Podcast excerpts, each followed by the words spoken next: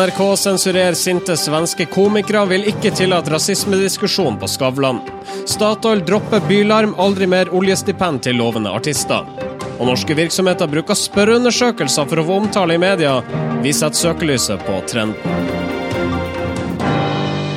Dette og mer til i dagens episode av podkasten Norske informasjonsrådgivere. Hjertelig velkommen til deg, kjære lytter. Mitt navn er Mari Stølen, deg som er programlederen. Jeg sender live fra Mosjøen i dag, og med meg på link mine to rådgivere i Oslo, Marius Torkelsen og Sindre Holme. La oss begynne med Torkelsen i dag.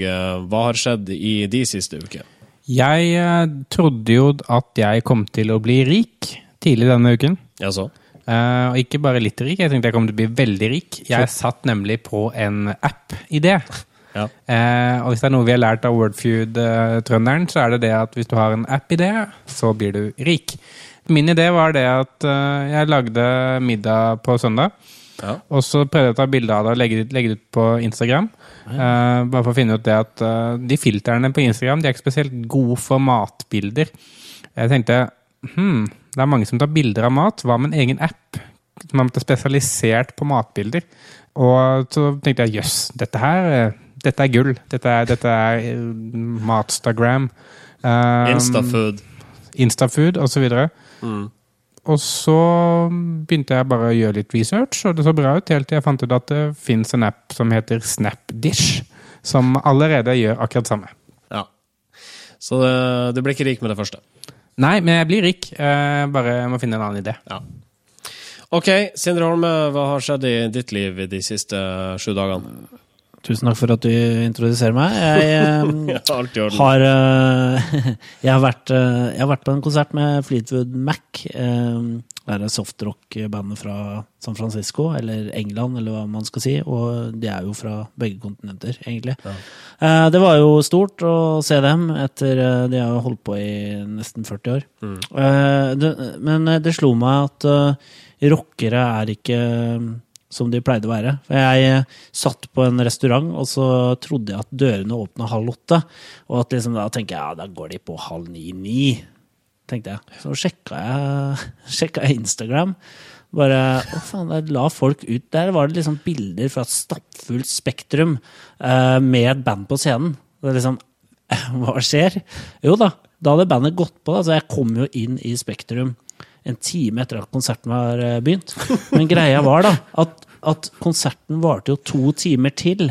Sånn at jeg følte liksom at jeg hadde fått med meg en hel konsert. Jeg var vel så det. Ja. Og det slo meg litt sånn fy fader, de her gamle rockerne, hva, hva skjer liksom? De, har de også begynt å gå Birken? Eh, tenkte jeg. Men det var, var jo sånn i, i, i gamle dager når man hadde konsert, så skulle man spille alle sangene man noen gang har lagd. Eh, og noen band de, de lever opp til det fortsatt. De bør går på scenen, spiller de alle sangene de noen gang har lagd, og så går de av. Ja, det var, det, var, det var den følelsen jeg fikk, da.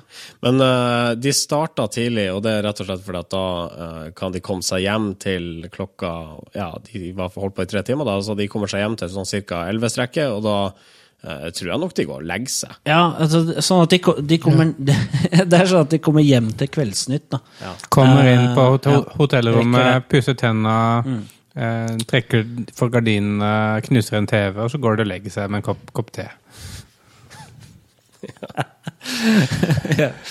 Ok. Um, Vi har allerede introdusert eh, sendinga. Vi har introdusert eh, de to rådgiverne eh, pluss en stykk programleder. Eh, og da gjenstår det bare for meg å si hjertelig velkommen til NIR episode 46. Norske informasjonsrådgivere. Vi starta denne sendinga hos Statoil. De har siden 2008 vært en av hovedsponsorene til Bylarm, denne musikkfestivalen. Og hvert år gitt mellom 800 000 kroner og 1 million i eh, et såkalt Statoil-stipend. Stipendet går til ei norsk gruppe eller artist som har eh, vært nær et internasjonalt gjennombrudd, kanskje bare mangla litt cash for å ta det siste steget. Dagens Næringsliv melder nå at oljegiganten avslutter samarbeidet med festivalen etter en helhetlig vurdering. Ja, helhetlig vurdering, det begrepet kjenner jo en fra tidligere. Eh, hva som ligger under der, vet man jo ikke helt sikkert. Men eh, det er i hvert fall helt tydelig at Statoil ikke har, har eh, lenger, eller lenger ser en verdi i å være så tett knytta opp mot eh, Bylarm. Ja. Det er jo en storslagen greie, det her Statoil-stipendet. De flyr jo inn eh, liksom profilerte rockeskribenter og sånn fra Sverige og forskjellige andre steder for å liksom eh, juryere dette her. Og det er eh, ganske store Eller kule artister da, som vinner, sånn som Shining vant i fjor, som er sånn jazzrock eh, ekstremutgave av jazzrock-band. Eh, det som i hvert fall eh, jeg tror er en riktig vurdering av Ståthold det er at denne, det har ikke gitt den profilsmitten som de kanskje hadde håpet, da. Og det kanskje er derfor eh, de legger det ned, tenker jeg. Det som var så fint med Statoil-stipendet, var jo det at man for en liten stund glemte det at eh, Statoil produserer og selger olje. Eh, og det mm, har jo vært fint for Statoil. Altså de har måttet klart å faktisk bli knytta til disse rare bandene som ingen har hørt om eller på. Eh, eller få, i hvert fall, har hørt om og på. Men så har det samtidig vært en del kontroverser rundt stipendet også. Det er noen av eh, de mer sånn kanskje halvkjente eh, artistene som har frasagt seg muligheten til å få det, og som ikke ønsker å assosieres med Statoil mye pga. f.eks. oljesandsaken i Canada og andre typer omdømmekriser som de har hatt. Eh, og det betyr jo det at for Statoil har det vært en sånn ambivalent greie hvor det på én side har vært en veldig fin ting fordi de har klart å knytte seg tettere på Miljø-Norge. Men samtidig så har det, skapt mye negativ omtale som de kanskje ikke hadde trengt. Da. På Hver gang de faktisk eh, deler ut et stipend, så blir det også mye snakk rundt oljesandvirksomheten og sånt. Det er kanskje bedre å bare unngå det. Ja, for det har jo vært en diskusjon hvert eneste år, nærmest. For det er alltid noen som eh, sier nei til å motta dette Statoil-stipendet av eh, overbevisningsgrunner. Det var kanskje det som fikk begeret til å renne over for oljegiganten. Det vil vi tro, fordi at eh, altså, Statoil holder jo på i det stille, egentlig, relativt da, ellers. I hvert fall for folk flest så holder de på, og folk eh, bryr seg ikke så mye. Eh, men de siste åra, det, det som er litt pussig her, er jo at, time, at de gjør det nå. fordi at de siste åra så har jo Statoil eh, fått mye oppmerksomhet pga. Lofoten og Vesterålen og Senja, altså oljeutvinning der oppe. Men, men altså, samtidig så har jo også Statoil tatt litt sånn, kall det ansvar i hele den problematikken som mange virksomheter i den sektoren sliter med, nemlig det å få nok ingeniører.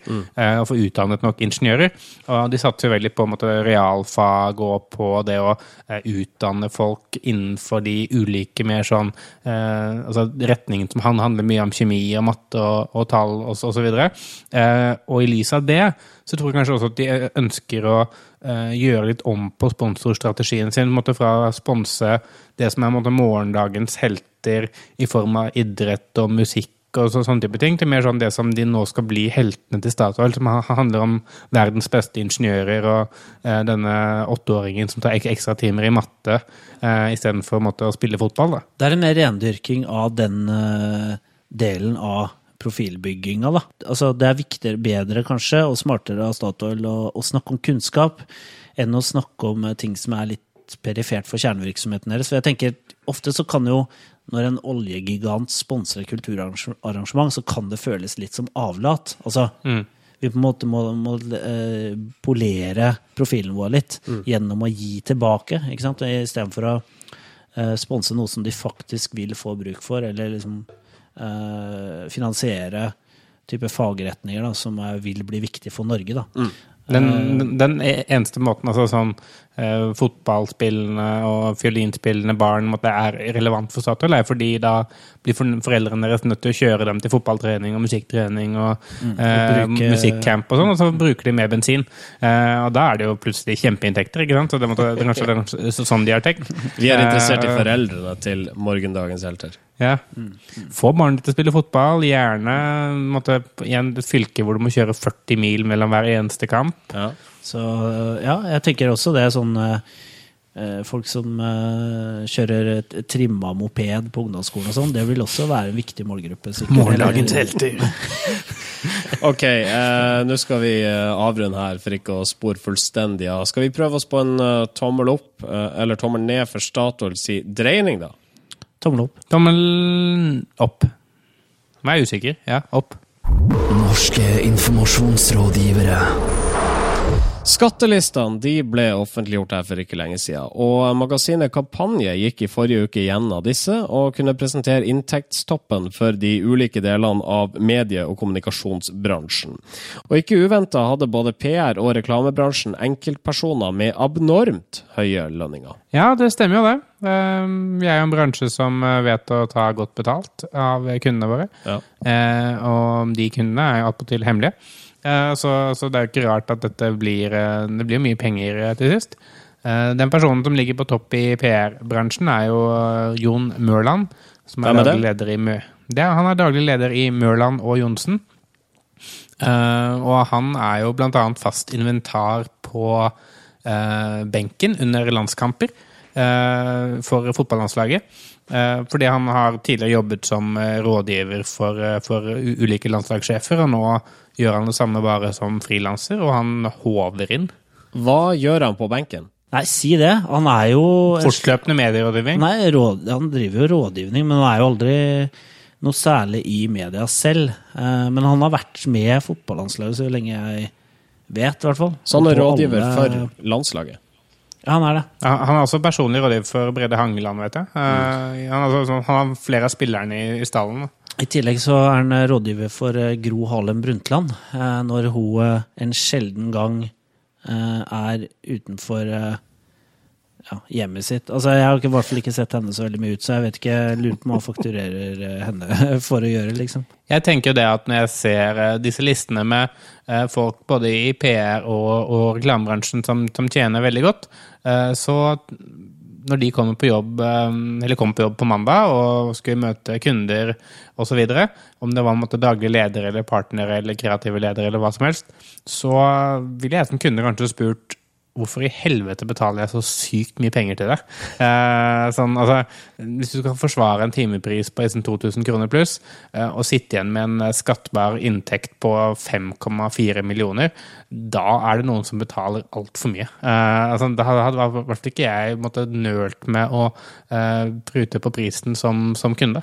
Det som er litt overraskende med lista her, er at øh, han øh, Per Høiby, som er direktør i First House, veldig profilert øh, melkebyrå, holdt jeg på å si, PR-byrå, som melker kundene sine. Uh, han er ikke på den lista over, ti, over de ti best, best betalte. Uh, og det betyr kanskje at øh, First House ikke melker kundene sine så mye som vi trodde. Nei. Kanskje han også har hemmelig lønn? Ja, han har sikkert hemmelig lønn. Det er sikkert, øh, det er sikkert en del av avtalen med, Med staten. med staten, rett og slett, som jo er hans øh, Største kunde. Ja. største uh, kunde, eller Mm. han er jo deres største kunde, antakeligvis. Ja. Så han, han tjener jo sikkert bra.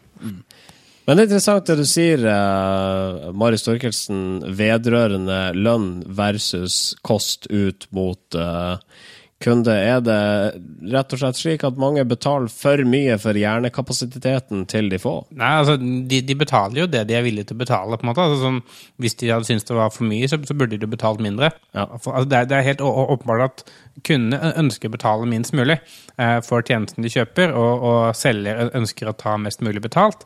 Og så møtes, møtes man ofte på midten der et eller annet sted. Eh, så blir det ofte noe begge kan være fornøyd med. Eh, I dette tilfellet så virker det som om det er PR-rådgiverne eller reklamefolkene som har mest grunn til å være fornøyd. Men, men det, er jo, eh, det er jo ikke sånn, det er jo ikke sånn at uh, hvis du driver et veldig stort byrå, så tjener du nødvendigvis mest. Uh, sånn som Gambit, da, som uh, de har et par to inneblant i topp fem, men det er jo des, det desidert største byrået. Altså Du har jo Lars Erik Grøntun, som er den femte mest best betalte på den lista her, og han er jo leder for liksom Gambit sitt, eh, eller Healen Walton sitt europakontor. Og det er en ganske stor jobb. Det er mange hundre ansatte, sikkert flere tusen ansatte. Så, eh, mens Mørland og Johnsen, eh, Jon Mørland, han er vel sjef for liksom fem Han er sjef for Johnsen.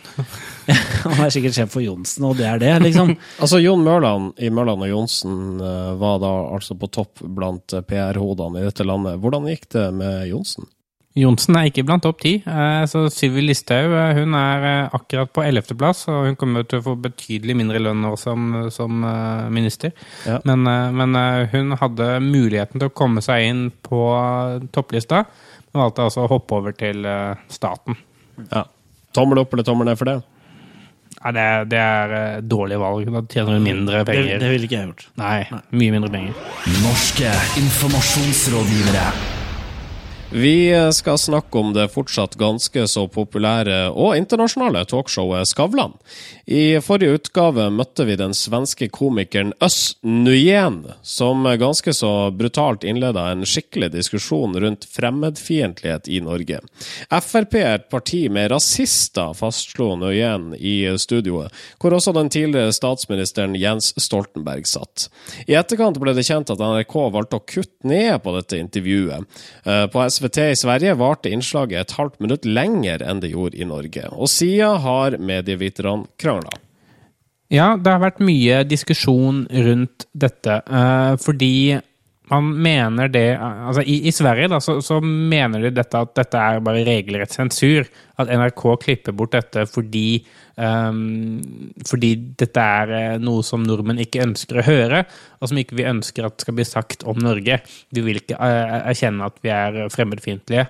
Eh, NRK på sin side sier det at uh, det var såpass sterke beskyldninger som Nujen kom med, bl.a. annet på dette at både Frp og Høyre har gjennomført eh, rasistiske handlinger, at de ville de ville ikke sende det uten å måtte gi dem muligheter til tilsvar. Eh, og da måtte faktisk det å kunne imøtegå beskyldningene. Men det er uansett interessant måtte, hva som da egentlig er lov i en sånn talkshow-setting. Bør man alltid da sikre måtte, hva folk skal snakke om, og da invitere folk deretter, slik at eh, man kan eh, imøtegå ting direkte?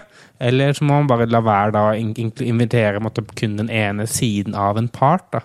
Men uh, tror du at uh, Fredrik Skavlan og for så vidt også NRK hadde forventa denne raljeringa ifra den svenske komikeren?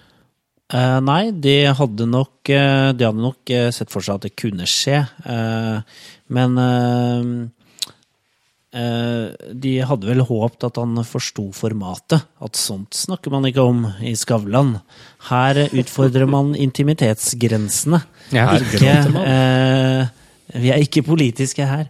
Uh, så, så det, er jo, det er jo nettopp den Det er jo uh, på det helt på et mye mer sånn intimt nivå man er vant til å se Skavlan og de eh, debattdeltakerne, eller de som er med i programmet. Ja, altså, men det, det som gjorde- gjorde he, hele den si- si- situasjonen litt sånn ekstra spesiell, var jo nettopp det at Jens Stoltenberg satt ved siden av han. og Det var en måte sånn sånn de kom inn på det, dette her, altså, fordi Jen måtte lurte på hva egentlig Jens Stoltenberg mente om at det nå var kommet inn et eh, høyreekstremistisk parti på tinget. Og så gikk jo Jens Stoltenberg litt sånn imot det og sa at jeg opplever ikke dem som eh, altså dem da som i Frp som høyreekstremistiske, og da måtte var den debatten i gang. Da, og da kom han ikke bort fra det. jeg føler, det, det, det her er litt sånn vanskelig situasjon, for det er jo ikke noe tvil om at uh, veldig mange har syntes det har vært merkelig etter 22. juli at eh, Frp er blitt stemt inn i en regjering.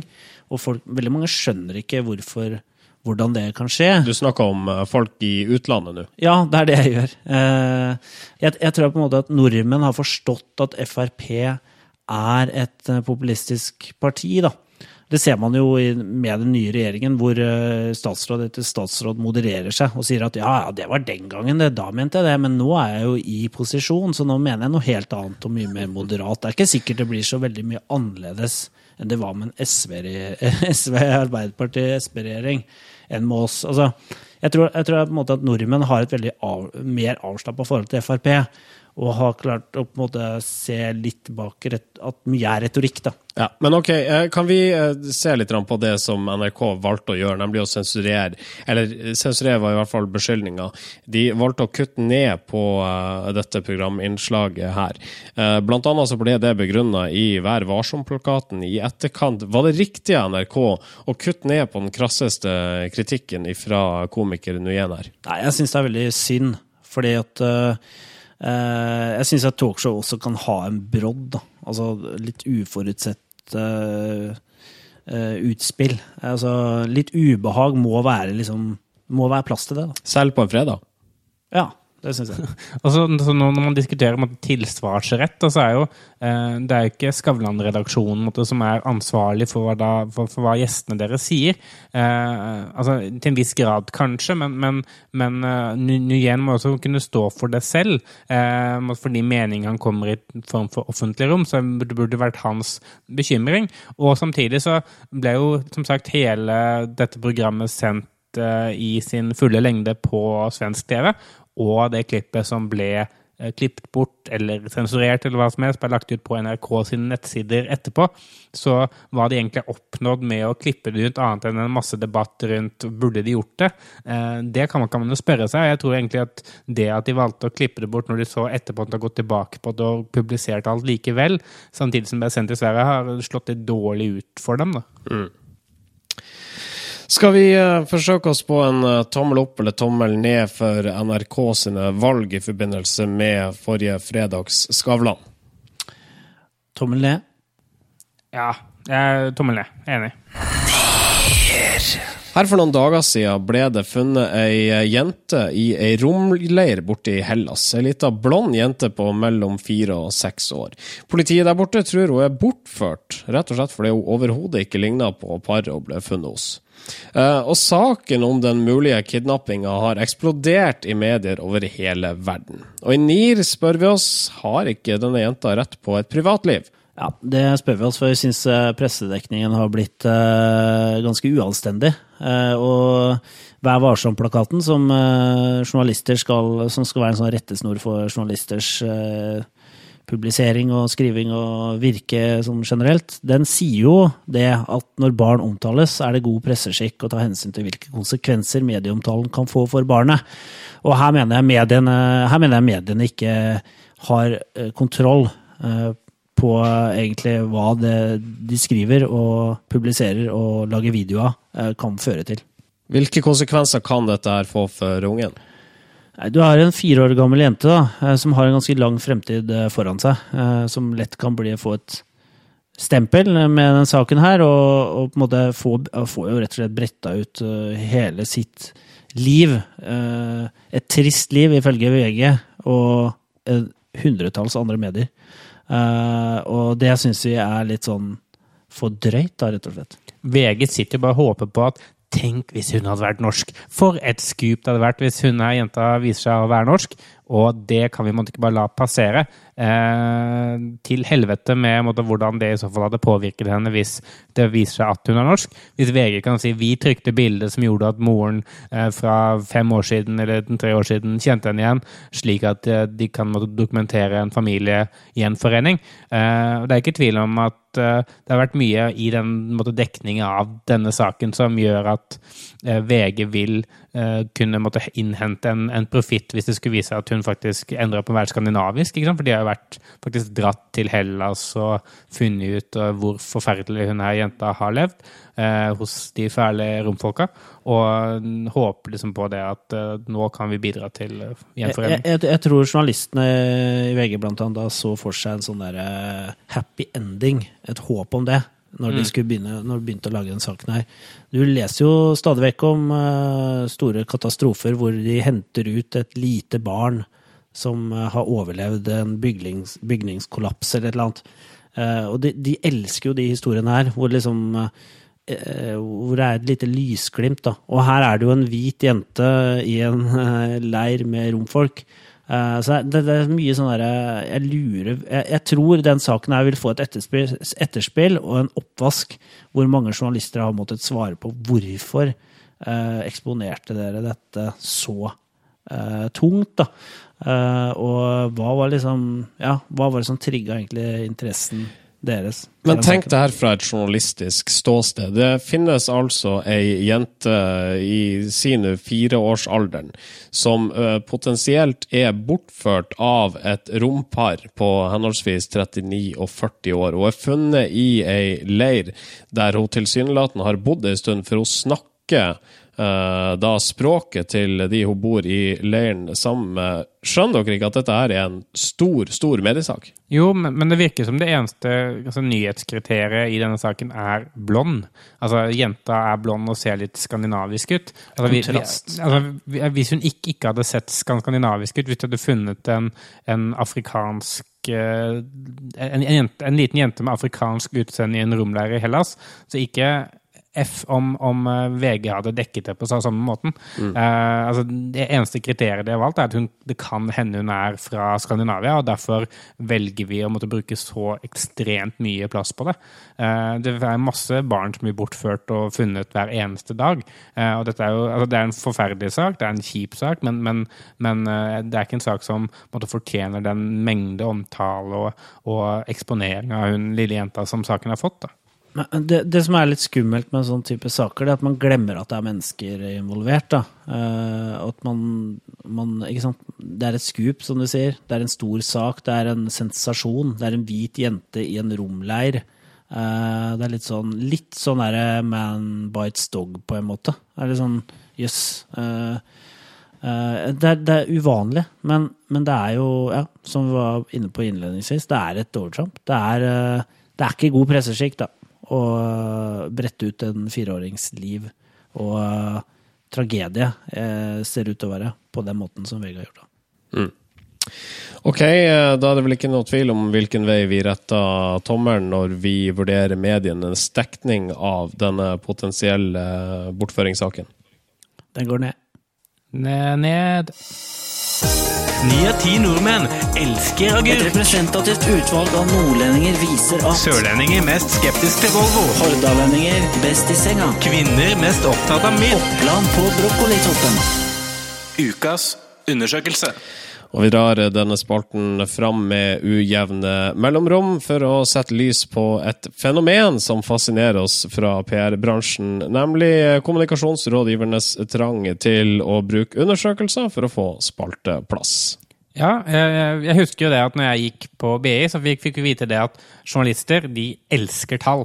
Eh, og de er tydeligvis ikke den eneste potensielle PR-rådgiveren som har fått vite det. Eh, hvis et PR-byrå ønsker omtale på en sak, så gjør man en representativ undersøkelse hvor man finner ut et eller annet eh, knytt, tilknyttet eget produkt eller tjeneste eller virksomhet, slik at mediene kan skrive om det.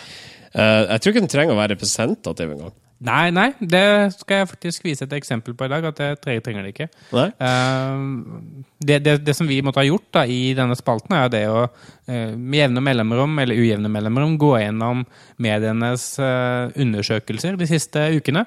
Eh, eller siste uken, for å se liksom, hvor mange har, det vært, og hvem har vært de artigste eller rareste undersøkelsene i uka som har vært. Ja. Og du har også funnet fram til eh, tre undersøkelser som du ønsker å sette fokus på i denne spalta. La oss begynne med det du mener er tredjeplassen. Eh, tredjeplassen er en veldig sånn rar nisjeting. Eh, og den, eh, det er en sak da fra bl.a. Eh, digi.no og avisen itpro.no. Eh, og den kan eh, melde om omfattende ulovlig bruk av programvare i norske kommuner. Ja. Den saken handler altså om at eh, fem av ti kommuner opplyser at de bruker ulisensiert programvare. Eh, Eller at det brukes ulisensiert programvare hos eh, kommunens ansatte. Det kan være en Word, versjon av Word som har gått ut på dato, eller en PowerPoint som bare er cracka fra nettet. Og dette er altså noe som foregår rundt omkring. Hele 49% av norske IT-sjefer har avdekket bruk av ulovlig eh, programvare. Riktig.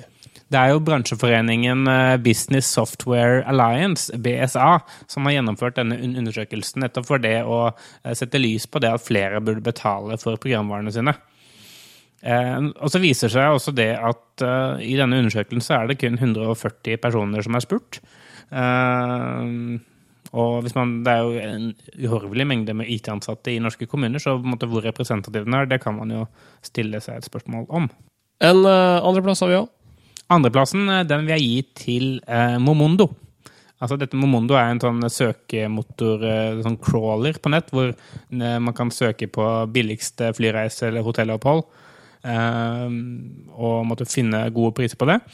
Og de har en sak i VG denne uka hvor overskriften er 'Ja, vi vil på kjærestetur'. Og her er altså da 1000 eh, menn og kvinner i alderen 18 til 74 spurt om hvilken storby de har lyst til å dra til, og hvem de mener vil være det beste reisefølget. Og da sier åtte av ti menn eh, og syv av ti kvinner at de helst vil reise med kjæresten. Det er altså flere menn enn kvinner som vil reise med kjæresten. Ja. Så det vil si at eh, åtte av ti, altså så fremt denne er da representativ, så er det altså slik at åtte av ti lever i et forhold? Ja, tydeligvis. Eh, enten det, eller så er det en sånn litt sånn tricky greie at åtte av ti av de som har svart at de vil reise til en storby, sier at de vil reise med kjæresten. Så måtte folk i forhold er mer, uh, har mer lyst til å reise til storbyer. Det sier ikke måtte, artikkelen noe om, men det er en interessant atferd i så fall. Ja. Hvor de fikk den her på trykken? I VG. Ja, det er godt jobba. VG, VG papir. Ja. Oi. Og hvis det er en andreplass, hva, eller hvem er det som får førsteplassen? Førsteplassen er noe av det rareste jeg har sett på lenge. Jeg forstår ikke hvorfor eh, virksomheten bak det har valgt å gjøre denne undersøkelsen, eller hva de håper de skal få ut av det. Men altså If skadeforsikring som vinner. Eh, og overskriften i Tvedestrand-posten, hvor de har fått dette publisert, er 'Tror ikke vi overlever tunnelbrann'. Eh, og ingressen lyder som følger. Bare 28 stoler på at de klarer å komme seg ut av en brennende tunnel, viser en ny undersøkelse. Hvis vi havner i en alvorlig brann i en lang tunnel, tror 46 av oss at vi ikke vil komme ut. Det var den, en, eh, det var den mor morbid undersøkelse. Eh, Men det er altså, eh, altså fagsjef i, i, i eh, skadeforsikring. Han sier jo at det fins en del eh, trange, ekle tunneler her i landet. Eh, Og han har ikke noe problem med å skjønne at folk er skeptiske, særlig ikke etter eh, brann. Ok, eh, vi gratulerer If. Pat on the shoulder on the way in the mail for det som da viste seg å bli ukas undersøkelse. Marketing 3.0. Social business. Cloud computing. Social shopping. Begrepsforvirring. Eh, nok en uh, ureglementær eh, spalte her i podkasten NIR. Uh, I begrepsforvirring denne uka tar vi for oss begrepet en glipp. Det gjør vi. Det er jo et Det glipper stadig vekk for norske makthavere, fotballspillere, særlig fotballkeepere, da, vil jeg tro, og andre. Så en glipp er veldig vanlig. Det er Uttrykket er jo blitt omtalt, eller brukt, 1600 ganger i norsk presse i, hittil i år. Ja. Eh, og det som slår oss, er at eh, ofte så tror jeg det blir brukt eh, når man ikke har gjort en glipp, men har gjort noe med fullt overlegg. Eller gjort noe kriminelt, eller noe farlig. Okay. Så eh, det inneholder veldig mye mer enn liksom Ops, oi sann! Nei. Der døde en pasient på sykehuset. Ja. Det var en glipp. Det var en glipp. ja. Uh, vi har jo altså Det er mange eksempler uh, på liksom hvor en glipp uh, brukes for å for å av, avdramatisere eller bagatellisere noe som er litt verre. Vi har en sak her med, om vekterfirmaet Scan-kontroll, som driver og kontrollerer eh, kjøpesentre eh, for å sjekke om eh, For å hindre tyveri i butikker. Og de har da laget et hemmelig register der de har delt opp folk da, som de mener er mistenkelige, i kategorier som sigøynere, asiater og datojegere. Datojegere er vel da folk som eh, eh, finner mat ja, finner mat, mat som har gått ut på eh, dato, og går til kassa og sier at den her vil jeg gratis, for den eh, kan du ikke selge. Eh, og da sier, eh, sier eh, sjefen da, i Olsen, Cato Olsen i Scankontroll, at her har det skjedd en glipp i rutinene våre. Vi vil understreke at vår holdning som organisasjon er at ingen skal forskjellsbehandles eller diskrimineres. Og en glipp, da, det er jo et annet ord for, at, for ukultur eller holdningsproblem. Ja, e- ellers sier man en glipp når man egentlig tenker Er det så farlig, ja? Uh, for eksempel uh, Jeg fant et litt sånn morsomt eksempel eh, fra Valdres. Uh, hvor da uh, betongfirmaet Ryfoss Betong AS de skulle jo egentlig destruere gammel betong de ikke skulle bruke. Uh, og så helte de det i skogen istedenfor. Eh,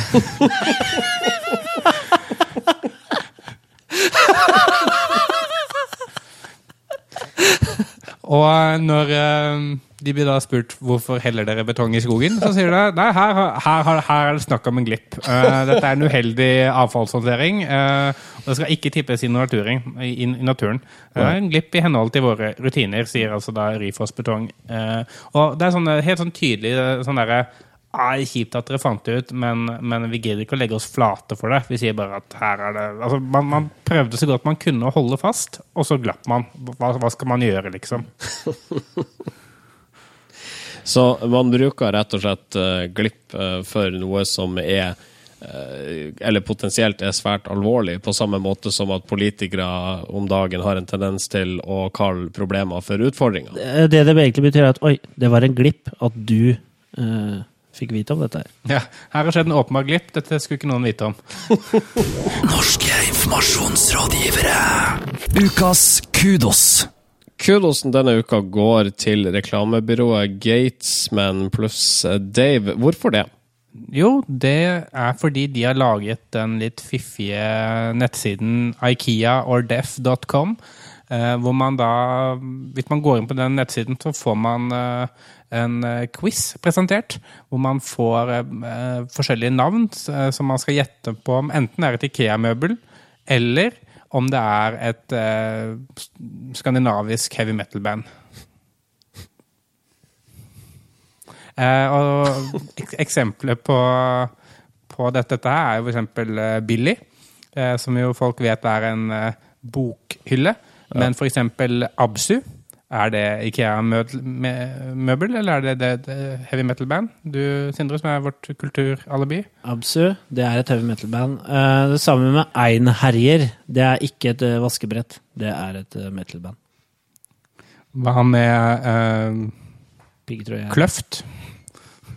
Med, med U med to uh, Ja, tødler over. Kluft. Kluft. Ja, det er jo et uh, søppelspann fra Ikea. Alt med tadler over u-ene er heavy metal-band. Ja, det er det. Det er en uh, universal regel. Det Nei, det er i hvert fall en veldig sånn altså, altså, Jeg skulle ønske at de faktisk jobba for Ikea, men det gjør de jo ikke. Det er bare en sånn ting de har lagd for gøy, eh, som jeg nesten synes at uh, gir kudosen enda mer legitimitet. For det er bare noe de har lagd på Ja. fritida for å Det er ufakturerbart arbeid, muligens, da. Eh, som Ole Kristian Apeland ikke ville tatt i med ildtang, antageligvis. Kudosen går altså til Gatesman and Dave, som har laga nettstedet ikeaordeath.com, der du kan gjette på hvorvidt et eh, tilfeldig valgt navn enten er et Ikea-møbel eller et eh, heavy metal-band. Eh, Grattis.